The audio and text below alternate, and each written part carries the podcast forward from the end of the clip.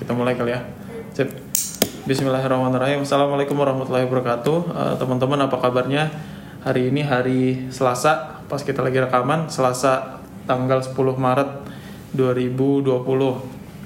Em, baru awal minggu tapi kita udah dikejutin sama kabar bahwa Indonesia sekarang suspek untuk virus corona udah 27 ya.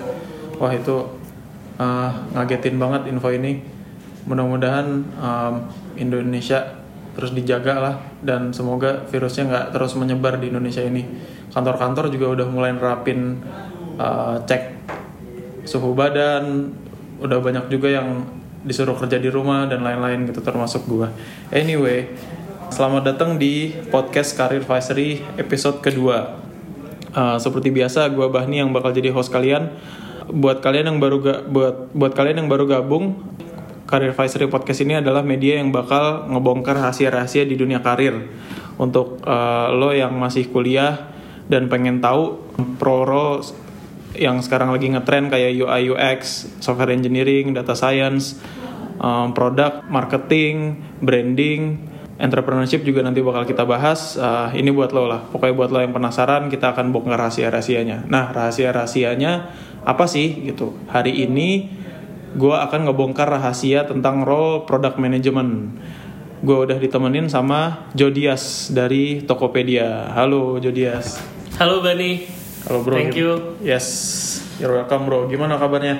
Baik, alhamdulillah hari ini luar biasa ya. Tadi udah dikasih tahu juga tentang coronavirus yang banyak. Jadi semoga teman-teman semuanya sehat dan lancar semua pekerjaannya ya. Amin. Lo lagi sibuk apa akhir-akhir ini? Iya, jadi sekarang gue lagi sibuk tentunya di Tokopedia ya. Jadi sekarang gue di sini di produk divisinya di payment. Jadi gue sekarang lagi handle squad namanya payment tools. Payment tools tuh ibaratnya kayak dapurnya gitu. Jadi kalau di bayangin ada produk yang luas banget di payment gitu kan. Ada yang urusannya adalah dari paymentnya itu sendiri ke eksternal ya kan? Ada juga bagian dapurnya. Bagian dapurnya itu ngitung-ngitung internal toolsnya ngitung ini ini biaya adminnya berapa segala macam sampai ngebantuin escrow dan transaksi. Nah gue juga uh, nanti mungkin bisa lebih dalam ke sana. Gue juga megang uh, produk di uh, bank account management terus di withdrawal dan sebagainya dan lain sebagainya. Anyway gue juga selain ini gue kan uh, dulu ini ya bikin buku Visionary Life. Jadi Oke. sampai sekarang sih masih suka sharing-sharing juga. Jadi kayak contoh di minggu lalu gue baru sharing di Universitas Pembangunan Jaya tentang entrepreneurship gitu. Yang paling penting sebenarnya entrepreneurial gitu. Kalau dari buat gue ya, entrepreneurial itu artinya kan selalu menciptakan value. Nah itu salah satu yang paling penting buat product management. Nah, terus berikutnya gue juga sekarang lagi sibuk nih di bidang wakaf sebenarnya. Jadi Hmm. gue udah dapet nih my ikigai gitu ya. Wih, Ikigai itu apa sih? Ikigai itu oh, belum gue ya. Jadi Oh. yang Jepang itu loh. Jadi Iya. eh, itu way of living gitu kan. Hmm. Jadi orang-orang Jepang itu punya set of values yang mereka selalu pakai sampai mereka tua. Jadi mereka tuh nggak ada kata-kata resign gitu. Hmm. Jadi mereka itu kalau mereka melakukan satu, mereka itu suka, mereka itu punya purpose yang banyak, yang tinggi terhadap hal itu, mereka nggak akan berhenti melakukan itu sampai mereka tua gitu. Hmm. Nah itulah kira-kira ikigai. Tapi sebenarnya eh, ikigai ini sering di di relate ke yang namanya purpose purpose diagram frame. Mungkin Hmm. teman-teman juga bisa ngecek nanti ya purpose eh, purpose diagram frame lah. Hmm, hmm, Nah itu intinya ada ada empat. hmm. Jadi kalau karas itu ya, jadi satu itu lu punya skill apa, Hmm. ya. Kedua, lu minat di bidang mana, ya kan? Tiga, apa yang world needs it. Jadi apa yang dunia ini butuhkan. Dan yang keempat itu apakah kamu bisa dapat duit di situ. Nah, Jadi kalau lu udah gabungin empat-empatnya, lu udah dapat uh, purpose purpose lu ibaratnya gitu. Oh jadi ini konsep ikigai secara general itu adalah si diagram diagram Venn ini ya. Ah, Iya, diagram Oke. Venn ini gitu. Nah kebetulan gue baru tahun lalu menemukan itu dan emang akhirnya senang di bidang itu. Jadi sekarang gue lagi bikin ya side uh, side job lah. Jadi ngebantuin masjid di dekat rumah gue, Masjid Raya Bintaro Jaya itu Hmm. biar uh, masjid ini jadi lebih aware terhadap teknologi, terus bisa lebih lebih banyak dampaknya. Hmm. Nah, terus paling penting adalah bisa mengaktifkan wakaf. Nah, itu kalau ngomongin wakaf nanti panjang lagi sih. Oke. jadi ya intinya lagi lagi ngurus itu juga. Itu kira-kira. oke, oke. Menarik, menarik. Eh, boleh dong apa namanya ngebahas sedikit tentang vision real life. Dulu gue inget, jadi dulu gue pertama kali kenal lu tuh pas di meet up ya. Atau, Ya, atau eh, apa sih? justru pas lagi ideation itu loh. Ya itu, eh iya itu bukan meet up ding. bukan kita Itu kayak kita lagi lomba kan? Desain, Design thinking. Ya, desain thinking, desain thinking jam ya. design thinking Iya. jam ya ya. General Electric. Terus ya Kita satu gitu lah. tim. Ya satu tim terus jadi dekat terus ngobrol-ngobrol-ngobrol. Lo pergi ke London ya kalau nggak salah ya. Ya gue ke Inggris tapi Ke Inggris. eh, tepatnya di Warwick sih Iya, Warwick. Oke. eh, gue kan lulusan Universitas eh, Warwick ya University of Warwick di Innovation and Entrepreneurship Mhm. gitu jadi habis itu gue ke, ke UK terus balik lagi ketemu lagi ah iya. Terus pas lo lo bikin Vision Real Life uh, buku Vision Real Life ini Hmm. setelah lo pulang ya.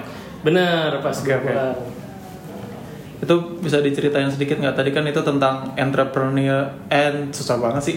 Entrepreneurial. Oke. Ah. Dan itu kata lo tadi um, ini ngebantu banget untuk jadi apa sih? Pondasi Iya. atau mindset lo sebagai product manager itu Hmm. gimana tuh? Oke, sebenarnya ini ada dua hal yang berbeda ya. Jadi satu Hmm. kita bisa ngomongin tentang product managementnya itu sendiri, tapi satu lagi kita bisa ngomongin tentang visionary life-nya. Tapi kalau kita lihat benang merahnya sebenarnya ban, jadi orang produk itu menurut gua dia kan orang yang bertanggung jawab pada value ya. Jadi kalau ada di Scrum team itu ada product owner, ya kan, ada development team, sama ada Scrum master. Nah, product owner ini ini kan dia tanggung jawabnya terhadap value kan. Hmm. Jadi seharusnya yang tadi gue bilang entrepreneurial itu itu mereka itu sangat entrepreneurial justru product owner itu karena memang mereka itu berdasarkan nature-nya itu mereka bertanggung jawab pada value. Nah hubungannya sama visionary life apa? Menurut gue justru harusnya orang produk itu orang yang paling bertanggung jawab dan orang yang paling tahu ke mana arah, hi- arah hidupnya. Hmm. Nah, bener nggak? Karena kalau dia aja tahu produknya mau ke arah mana, visinya seperti apa, roadmapnya seperti apa. Nah, seharusnya berarti kan dia juga tahu dong visi hidupnya itu akan seperti apa, Hmm. roadmapnya seperti apa, apa yang harus dia lakuin, ya kan, nextnya seperti apa.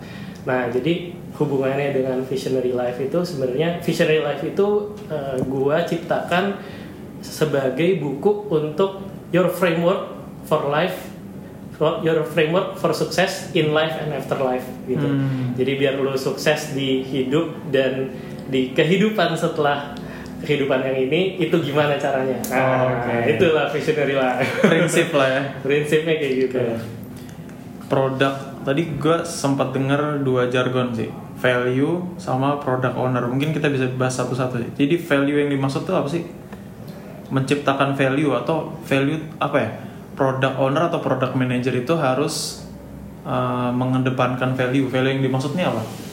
Ya, jadi value yang dimaksud adalah tentu saja product manager itu harus fokus pada apa? Fokus pada consumernya, Hmm. gitu.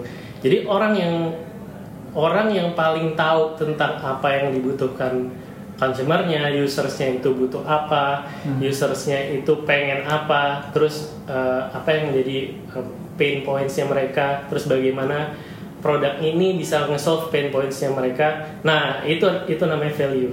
Ibaratnya ya kalau kalau kita berbisnis juga sebenarnya kan intinya bisnis adalah menciptakan value itu tadi kan, menciptakan value di mana orang dengan pakai produk itu dia jadi selesai permasalahan kehidupannya gitu. Oke.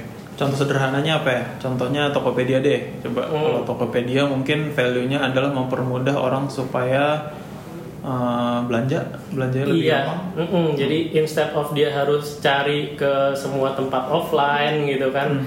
nah dia dia jadi cuman pakai HP aja gampang banget, pakai HP terus dia cari-cari, eh, tinggal search searchnya by key, by name mau apa yang dicari itu langsung keluar semua produk-produknya yang berkaitan dengan itu, terus langsung udah segampang tinggal pesan, check out, mau dikirim ke mana, bayar, terus langsung nyampe kan barangnya. Nah, instead of harus jalan dulu, terus nyari ngebandingin ke offline store satu dengan yang Yeah. kedua mana yang lebih bagus. Nah itu jadi mem- save time kan. Nah ya itu intinya marketplace kan value-nya di situ. Nice.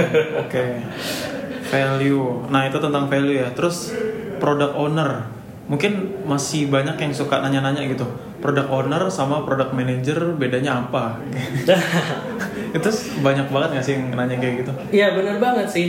Nah, jadi sebenarnya product owner itu seperti namanya owner gitu ya.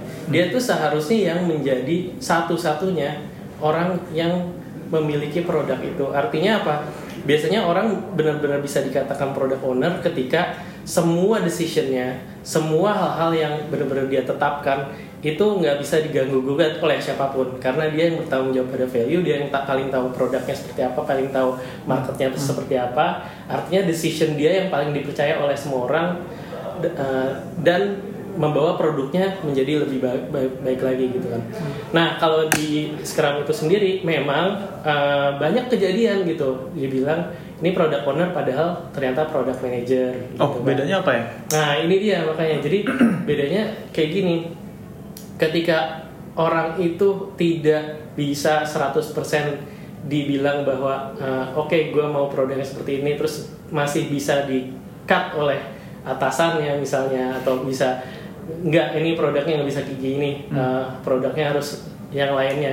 Nah itu bisa dibilang dia belum menjadi product owner sebenarnya. Nah makanya eh, banyak eh, perusahaan itu apalagi yang udah besar ya itu nggak berani langsung ngasih orang nih lu product owner misalnya orang baru join gitu. Karena eh, biasanya permasalahannya itu adalah di satu eh, ownershipnya itu kan yang kedua kompetensinya dia yang paling penting. Apakah kompetensinya itu mumpuni sebagai product owner? Nah makanya gimana caranya? Eh, satu gimana caranya biar orang itu bisa punya kompetensi gitu kan. Terus dua eh, gimana caranya eh, orang bisa jadi product eh, owner segala macam. Akhirnya dibuatlah jenjang. Nah jenjang itu menjadi product owner itu biasanya namanya product manager. Jadi instead of ditaruh di atas product owner kalau kita bayangin ada struktur perusahaan product owner yang paling atas product manager itu di bawah di bawahnya. Nah Hmm, itu yang terjadi juga di banyak ya, unicorn termasuk ya Tokopedia. Jadi ya, product owner itu yang benar-benar paling atas yang punya tanggung jawab 100% pada produknya gitu. Oke. Oke. Nah, terus kalau untuk tren dari product owner product owner sendiri kayak gimana sih? Lo product owner kan, bukan product manager. Product manager. Oh, Jadi product manager. Tokopedia oke. per tahun lalu itu udah rubah namanya. Memang sebelum 2019 itu namanya product owner. Oke. Tapi per tahun kemarin eh, sudah disamaratakan dengan yang lain. Ini sekarang namanya kita product manager juga. Oh, Oke. Gitu. Jadi jadi walaupun dia levelnya udah tinggi tetap namanya product manager. Jadi Iya. dia bisa bisa dibilang apa ya? Head of product manager terus di bawahnya ada product manager product manager yang banyak gitu. Mm-mm. Oke. Jadi kalau paling bawahnya itu ada associate product manager. Hmm. Terus naik level nih jadi product manager. Hmm. Naik level lagi jadi lead product manager. Naik lagi jadi head, terus AVP product, terus VP product. Hmm. Oh, gitu. Baru ke si level. Oh, oke, Kalau oke. kalau ngeliat strukturnya kayak gitu di Tokopedia iya. sekarang. Hmm. Uh, Jadi lo lo pernah nggak kayak nginterview nginterview uh, teman-teman yang fresh grade gitu yang mungkin pengalaman kerjanya belum belum lebih dari dua tahun gitu tapi apply untuk jadi product manager gitu. Pernah nggak sem- sempat nggak ada cerita sempat sempat jadi persis baru dua minggu yang lalu. Hmm. Eh, 22 Februari lah itu hari Sabtu waktu itu. Jadi gua interview orang yang mau join sebagai intern di Tokopedia intern Iya, jadi Oke. Tokped itu baru bikin namanya Product Camp. Nah, Product Camp ini kayaknya udah tutup sih sekarang, sayangnya. Nah, Product Camp ini itu memang ditargetin buat uh, kalian-kalian yang angkatannya 2014 sampai 16. Hmm. Nah, jadi yang 14 sampai 16 ini itu mereka be eligible untuk apply ya kan ikut product camp. Jadi di situ akan ada ekstensif pelatihan tentang bagaimana cara jadi produk, terus apa sih yang sebenarnya dilakuin jadi sebagai product manager gitu. Nah, kalau lolos itu bisa jadi masuk ke tim intern Tokopedia sebagai produk oh oke gitu. Nah, gue waktu itu uh, interview interview orang itu Iya. Oke. gitu. Kalau jadi produk itu agak tricky ya. Pertama karena kuliahnya aja nggak ada gitu kan kuliahnya nggak ada ya Iya, jadi nggak saat sampai saat ini di Indo terutama masih belum ada kan uh, jurusan product management. Wah, kalau ada keren banget tuh. Nah, jadi memang di satu sisi bisa dibilang challenging untuk masuk produk karena basisnya itu general dan spesialis secara sekaligus. bisa General dibilang dan kayak gitu. oke.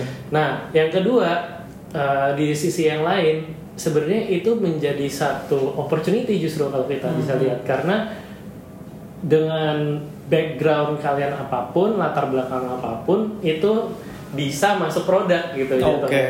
gitu. Karena nggak ada latar belakang yang eh, per- khusus untuk menjadi produk, justru jadi semuanya bisa masuk gitu kalau kita Hmm. lihat. Nah, kalau kembali ke pertanyaannya, apa sih sebenarnya yang bisa bikin kita percaya bahwa oh ini orang bagus jadi bisa nih jadi produk atau enggak nih gitu.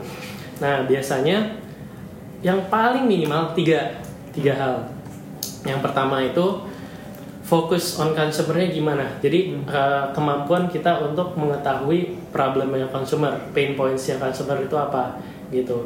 Dan kalau kita udah tahu itu ya artinya eh, kita bisa lanjutkan gimana solusinya, terus kita bisa bikin PRD-nya dan segala macamnya. PRD itu product requirement documents ya dan dan seterusnya langkah produk seterusnya. Jadi paling pertama yang paling yang harus diketahui adalah apa problem problemnya uh, yang dihadapi oleh consumer. Yang kedua itu problem solving. Baru aja kita bahas tadi kan Problem solving. tentang problem solving. Iya, gi- ya gimana ya?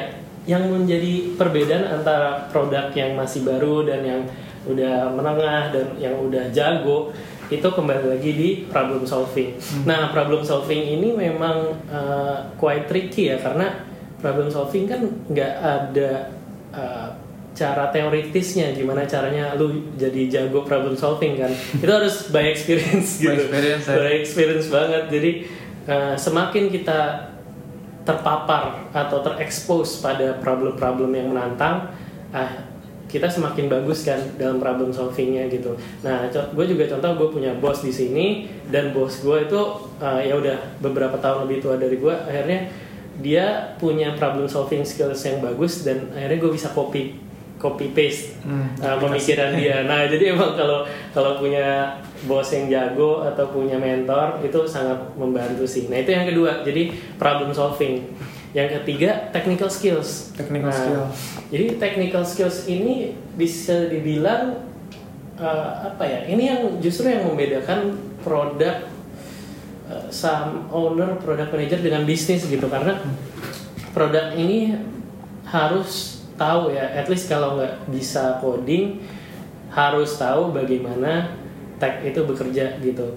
Karena kalau kita nggak punya empati terhadap uh, tech itu kerjanya seperti apa, terus kita juga nggak tahu bagaimana uh, misalnya API ber, berkomunikasi dengan database, dengan front end, dengan lain sebagainya, dengan data itu.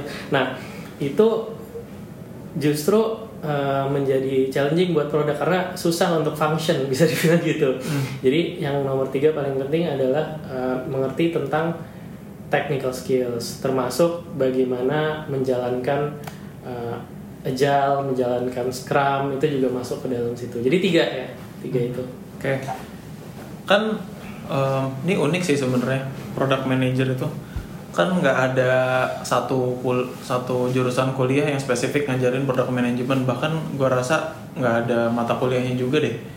Gua dulu kuliah IT ada sih nama eh, mata kuliahnya software engineering. Hmm. Itu sempat diajarin tentang Scrum, ya tentang project management sih basically. Cuman ya gitu kenyataannya pas kerja pun sedikit banget yang dipakai gitu kan. Nah di sisi lain sebenarnya nggak menutup kemungkinan juga uh, teman-teman yang dari jurusan selain IT bisa jadi product manager bener nggak sih? Hmm. Gitu karena kan intinya uh, asalkan lo uh, tahu gimana caranya lo bisa uh, ngebawa value untuk customer, kemudian uh, problem solving yang sebenarnya butuh pengalaman gitu dan technical skill. Technical skill ya memang uh, butuh pengetahuan tentang software engineering sih gitu. Hmm. Nah, gimana ya? Apa namanya? Misalkan, let's say em, ada orang yang datang dari jurusan marketing gitu. Nah, dia harus mulai belajar product management tuh dari mana? Dan apakah mungkin orang yang dari marketing itu bisa apply, jadi dia fresh grade nih, dia apply as a product management untuk first jobnya itu mungkin nggak ya kira-kira? Hmm, Oke, jadi ini udah semakin deep ya pembahasannya. Menurut gua gini, sekarang itu kan produk semakin berkembang ya. Jadi product management itu sendiri role-nya semakin uh, berkembang gitu. Jadi itu bukan role yang stagnan seperti itu itu itu aja. Nah, gue melihat pattern nih. Gue melihat pattern bahwa produk itu sekarang udah mulai bahkan produknya sendiri itu banyak variasinya gitu. Jadi lo masuk ke company A Hmm. jadi product manager belum tentu sama dengan lu masuk company B Hmm. gitu sebagai product manager. Terus lu masuk pro- eh, sebagai produk ke company yang masih problem solution fit itu akan beda dengan yang company yang udah scaling gitu. Oke. Nah, jadi set of skillsnya produk ini juga benar-benar uh, bisa dibilang vary gitu. Jadi beda, beda satu sama lain. Nah, kalau cheat sheetnya biasanya dibilang produk itu kan intersection between UX, data, tech sama bisnis kan. Itulah produk gitu. Nah, kalau kalian itu misalnya tadi contohnya mulai dari marketing, berarti mungkin kan eh, kalian akan lebih punya kekuatan di bidang bisnisnya kan, Iya. bidang marketing. Bahkan sekarang udah ada role produk baru namanya product marketing gitu. Product marketing. Iya kan? Wow. Namanya product marketing. Ujung-ujungnya sama kayak growth. Di Gojek Oh. banyak banget growth kan. Ya. Uh, growth di Tokped udah mulai ada nih Hmm. growth nih product manager tapi sebenarnya khususnya lebih ke arah growth. Nah growth ini emang ngurusinnya marketing jadi bisa dibilang dia bertanggung jawab pada produk di mana produknya itu karena ini user base-nya udah banyak gimana caranya si user base dengan persona satu itu bukan cuma gunain fungsi GoFood misalnya tapi gunain juga fungsi GoRide tapi Oh. sama GoCar kayak gitu lah Ya, ya. jadi eh, benar-benar kembali lagi harus tahu satu lu talentsnya di mana, eh, lu skillsnya kira-kira di mana, punya minat di mana, terus mau jadi produk yang seperti apa. Oke. Jatuhnya gitu Ya. sih. Terus ya itu sih apa namanya bisa nggak sih fresh grade langsung jadi product manager gitu? Nah, gue pas pertama kali belajar tentang produk ingat banget tuh ikut ke product tank gitu kan. Product tank tuh apa ya? Eh, product tank organisa salah satu organisasi produk di Indo lah gitu. Oh. Hmm, kalau gue tahun lalu aktif di product school gitu. Nah, product tank ini eh, jadi kita belajar bahwa orang untuk masuk jadi produk, untuk jago jadi produk itu ada bisa dibilang kayak dua jalur gitu katanya. Jalur yang pertama lu produk banget, artinya lulus-lulus langsung intern jadi produk, habis itu uh, lulus jadi intern produk langsung jadi associate product manager ya kan. Lulus uh, naik pangkat akhirnya jadi product manager terus naik kayak gitu. Nah, bisa dibilang ya konsisten dengan jalur produk itu bisa. Tapi jalur kedua itu juga ada misalnya uh, lu jadi software engineer terus ngerasa wah kayaknya gue lebih cocok jadi produk akhirnya banting setir ke produk.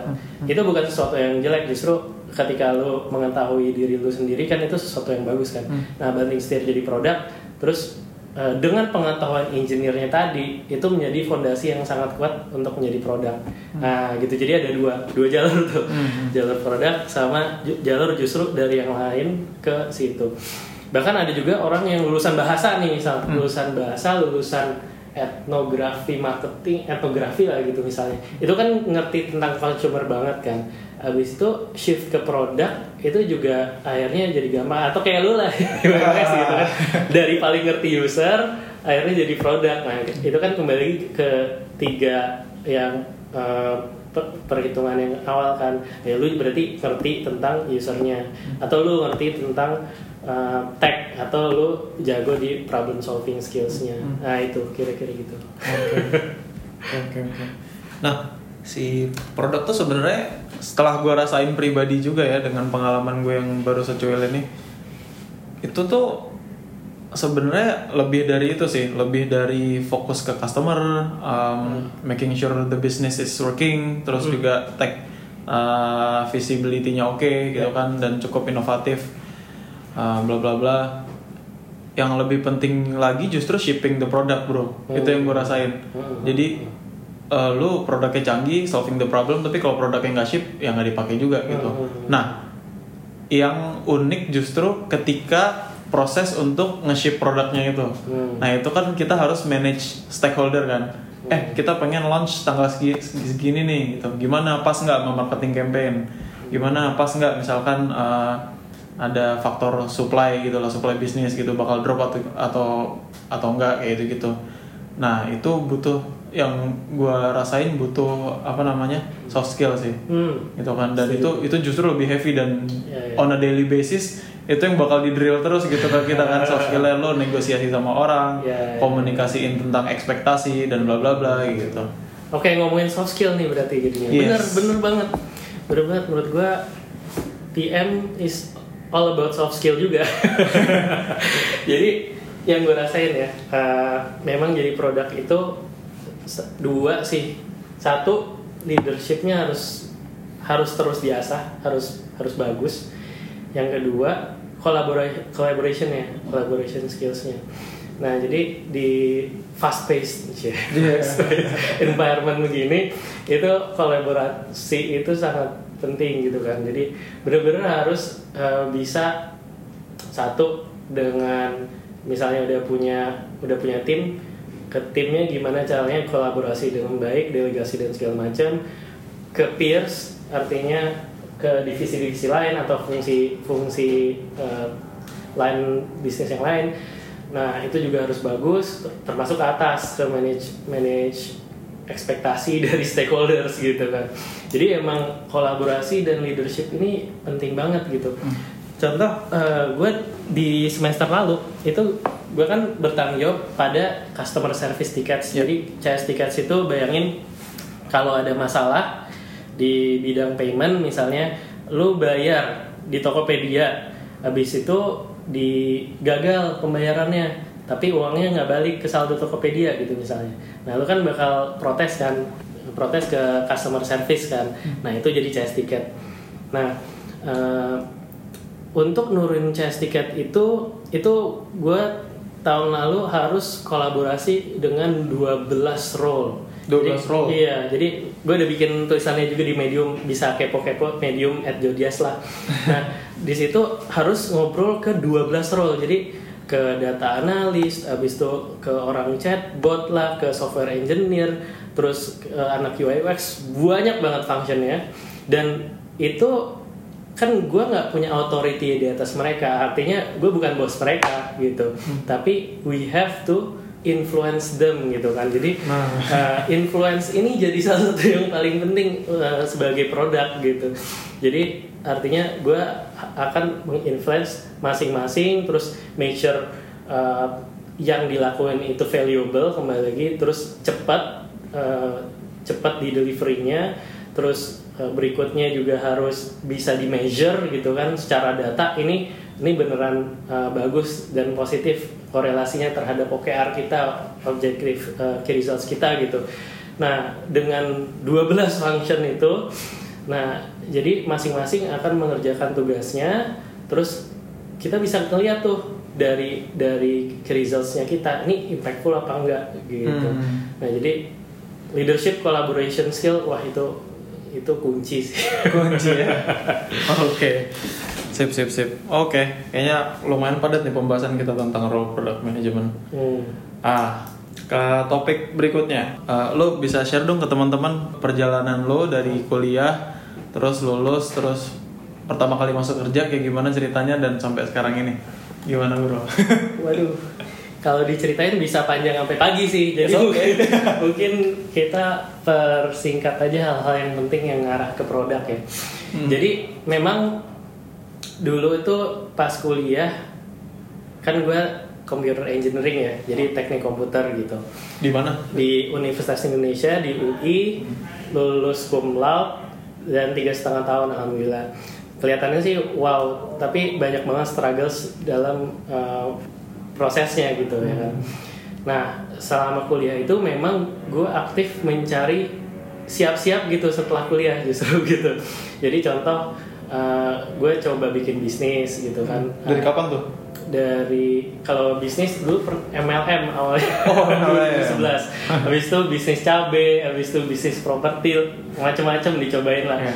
Uh, investment juga gitu kan. Nah jadi dari awal kuliah nyobain macam-macam organisasi dicobain akademik dan uh, bahkan gue juga udah sempat uh, rilis paper waktu itu kan. Terus dari sisi uh, entrepreneurial juga dicoba waktu itu. Jadi bisnis macam-macam coba. Terus gue juga main musik gitu. Hmm. pas lagi kuliah ngeband sama sama Ready Nur Experience terus sama sama Andi Rif lah sama wah macam-macam deh. Ah, Ikang Fauzi. Ya jadi macam-macam waktu kuliah yang gue coba. Tapi ini juga sebenarnya mungkin bisa sekalian bahas kali ya ini jadi punya tips nih buat teman-teman kuliah nih Boleh, boleh, boleh banget, boleh banget. Justru itu intinya. Ya. tipsnya itu kayak kayak pernah nonton Yes Man nggak Yes man, ya, Ya Jim kan? Carrey. Iya, jadi Yes Man itu kan dia pertama kali selalu bilang iya untuk semuanya kan. Nah, eh, sampai akhirnya dia ketika udah bilang iya terlalu banyak, jadi over promise, sampai dia akhirnya learn to say no, ya kan. Nah, itu menurut gue ya salah satu yang paling penting. Jadi kita harus eh, pas lagi kuliah ya, terutama gue juga merasakan harus eksplorasi sebanyak-banyaknya. Jadi eh, eksplorasi kegiatan macam-macam. Nah, sampai kita benar-benar menemukan ya tadi eh, kita tuh sebenarnya suka apa, kita tuh mau di mana, terus perjalanan hidup kita kira-kira arahnya akan seperti apa gitu kan. Tapi terus setelah udah converge, diverge, eh setelah udah diverse converge gitu. Hmm, Jadi hmm. ketika kita udah akhirnya coba memilih untuk satu hal, ya kita harus coba fokus di situ gitu. Jadi eh, emang harus yaitu diverge, habis itu converge. Terus emang ada suatu saat lagi emang harus diverge lagi, converge lagi gitu kan.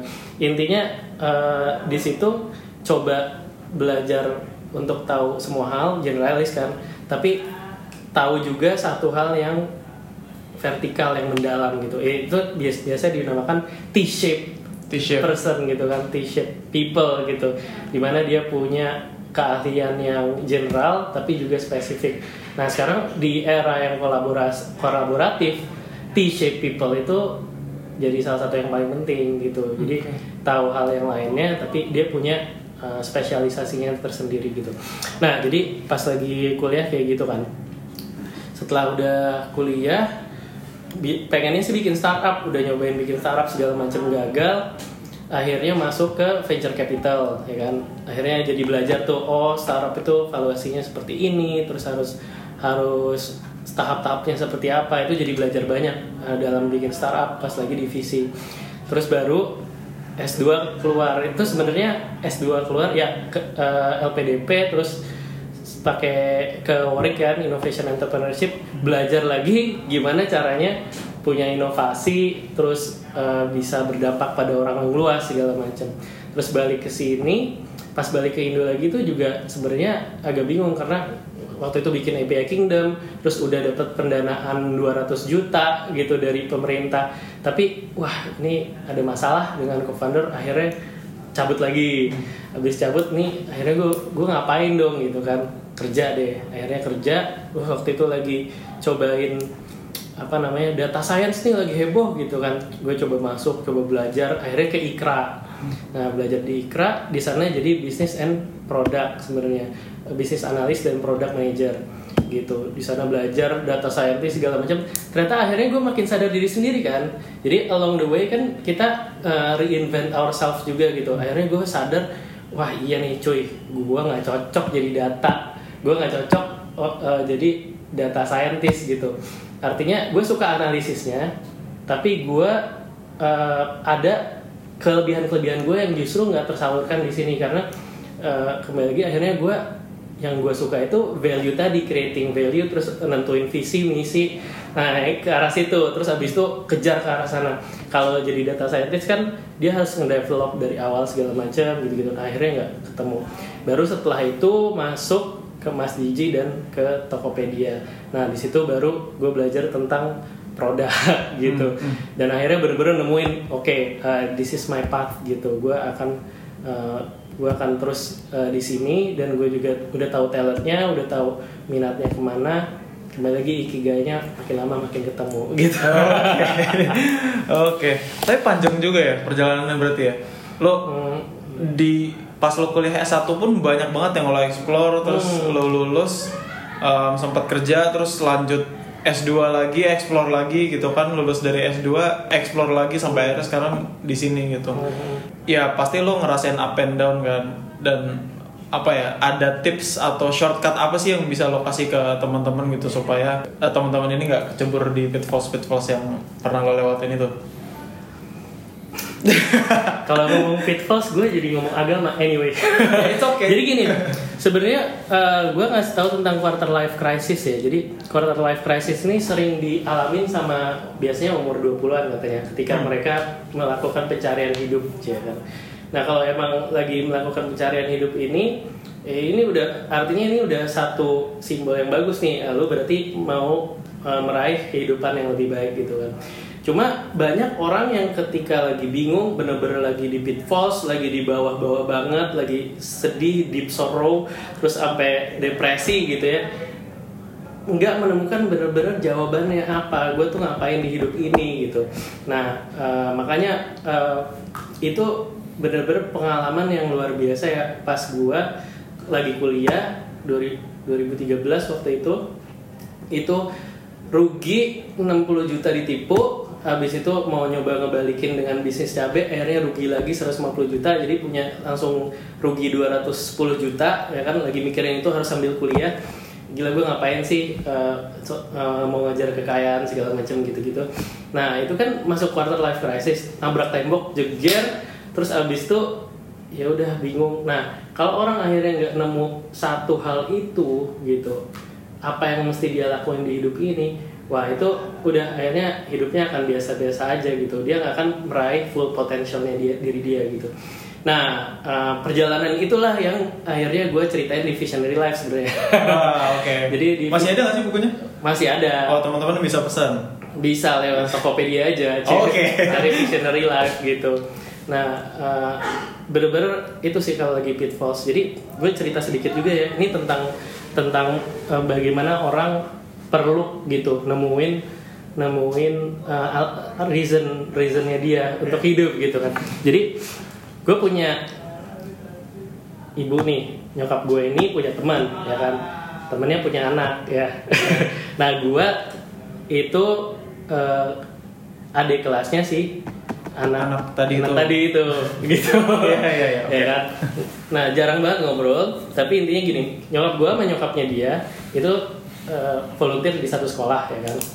Nah di situ nyokapnya dia itu ngelihat wah ini ada buku nih buku buku apa? Oh bukunya Jody gitu. Habis itu masalahnya si anaknya ini si si senior gue ini itu dia udah sekolah ke US gitu kan. Sekolah ke US cowok nih ya anak pertama lagi. Sangat didamba-dambakan. Ke sana berapa tahun terus drop out. Jadi harus balik ke ke sini nah pas balik ke sini ke Indo kayak nggak punya Purpose. purpose gitu. Nggak punya purpose. Habis itu nggak tahu hidupnya mau ngapain kerja nggak mau kuliah lagi nggak mau. Bener-bener udah jadi kayak apa ya ya habisin waktu aja gitu. Mungkin karena dia drop out terus jadi down gitu. down kan sama kayak pitfalls tadi. Hmm. nah pas lagi di pitfalls eh, terus dia beneran udah diomongin ya mungkin berbulan-bulan atau bahkan bertahun-tahun sama nyokapnya masih belum nemu nih gitu. Kayak ya kamu mau ngapain sih sebenarnya? Gitu kan. Nah sampai pas abis beli buku itu terus bukunya ditaruh di meja ternyata beberapa minggu kemudian diajak ngobrol sama nyokapnya gitu. Eh kebalik. Si senior gue ngajak ngobrol nyokapnya gitu. Hmm, hmm. "Eh, bu ngobrol yuk gitu kan. Nah terus ngobrol terus akhirnya ngobrol di McD itu sampai lama sampai pagi intinya akhirnya ngasih tahu gitu betapa dia udah tahu hidupnya mau ngapain terus dia setelah ini mau ngapain terus uh, reasonnya apa terus dia bakal uh, tujuan hidupnya apa segala macam itu akhirnya dia nemu gitu. Terus ditanya sama nyokapnya ih kok bisa sih? Sampai nangis nangis gitu kan. Iya itu dari dari buku yang waktu itu ibu ibu taruh di rumah gitu. Hmm, jadi Pak habis habis baca buku Visionary Life, alhamdulillah gitu eh, atas tangan tangannya Allah ya dia akhirnya eh, menemukan hidupnya itu. Jadi itu penting banget pas lagi pitfalls harus naik lagi, Eh, harus ada support system, harus banyak banyak belajar lah ibaratnya gitu. Itu sih kira-kira. Oke, jadi memang kalau misalkan gagal tuh jangan berhenti ya. Hmm, Memang harus lo cari terus gitu sampai lo ketemu purpose Iya. of life lo gitu apa. betul, betul. Wah gila ini jadi deep banget. Sorry bro gila. Oke ngomongin soal uh, support system yang paling penting di kehidupan lo siapa sih? tentunya tentunya kalau sekarang istri ya kan dari dulu jelas orang tua gitu kan dan teman-teman itu juga penting jadi peers eh, peers ngobrol macam-macam itu juga penting jadi ya memang support system itu eh, namanya berjamaah gitu ya. Berjamaah itu kan saling mengingatkan gitu kan. Terus saling menasehati gitu. Terus kalau ada apa-apa bisa bisa membantu. Intinya kita makhluk sosial lah bro. Iya, iya. gitu. Nggak bisa hidup sendiri ya? bisa hidup sendiri. Beneran. Uh, dan bahkan juga there's there's a saying gitu kan kadar manus kadar emas itu karat kadar manusia itu manfaat. Ya ju- jadi justru memang kita harus nebarin manfaat yang seluas- seluas-luasnya ke orang lain. Nah jadi ka- kalau punya support system dan paling penting pastikan lu juga menjadi support system orang-orang di sekeliling lu nah itu sih Hmm, jadi para- parasite ya. Iya. Oke. Oh nggak kerasa tadi kita niatnya cuma pengen setengah jam ternyata udah mau satu jam. Oke. Dari ngobrolin uh, product management terus uh, macam-macam lah ini terus ikigai segala terus sampai sekarang jadi deep banget nih akhirnya gue nggak tahu nih pengen gue kasih judul apa nih Anyway, thank you banget uh, Jody waktunya udah nyediain waktu untuk uh, rekaman di malam ini. Semoga apa yang udah dibahas di podcast ini bermanfaat buat teman-teman yang masih kuliah, yang lagi galau, yang lagi di midlife eh midlife quarter life crisis, Quarter life yang crisis. belum tahu pengen ngapain. Yeah. So ya ini aja uh, podcast hari ini. Semoga bermanfaat untuk teman-teman yang suka dengan uh, episode ini jangan lupa untuk share ke teman-teman yang lainnya semoga mereka bisa dapat juga manfaatnya jangan lupa juga follow Instagram Career kita Advisory. yes at Advisory Uh, boleh juga tinggalin komen untuk siapa kira-kira yang menarik untuk diajak ngobrol berikutnya Oke, itu aja teman-teman. Thank you udah dengerin. Sampai ketemu di episode berikutnya.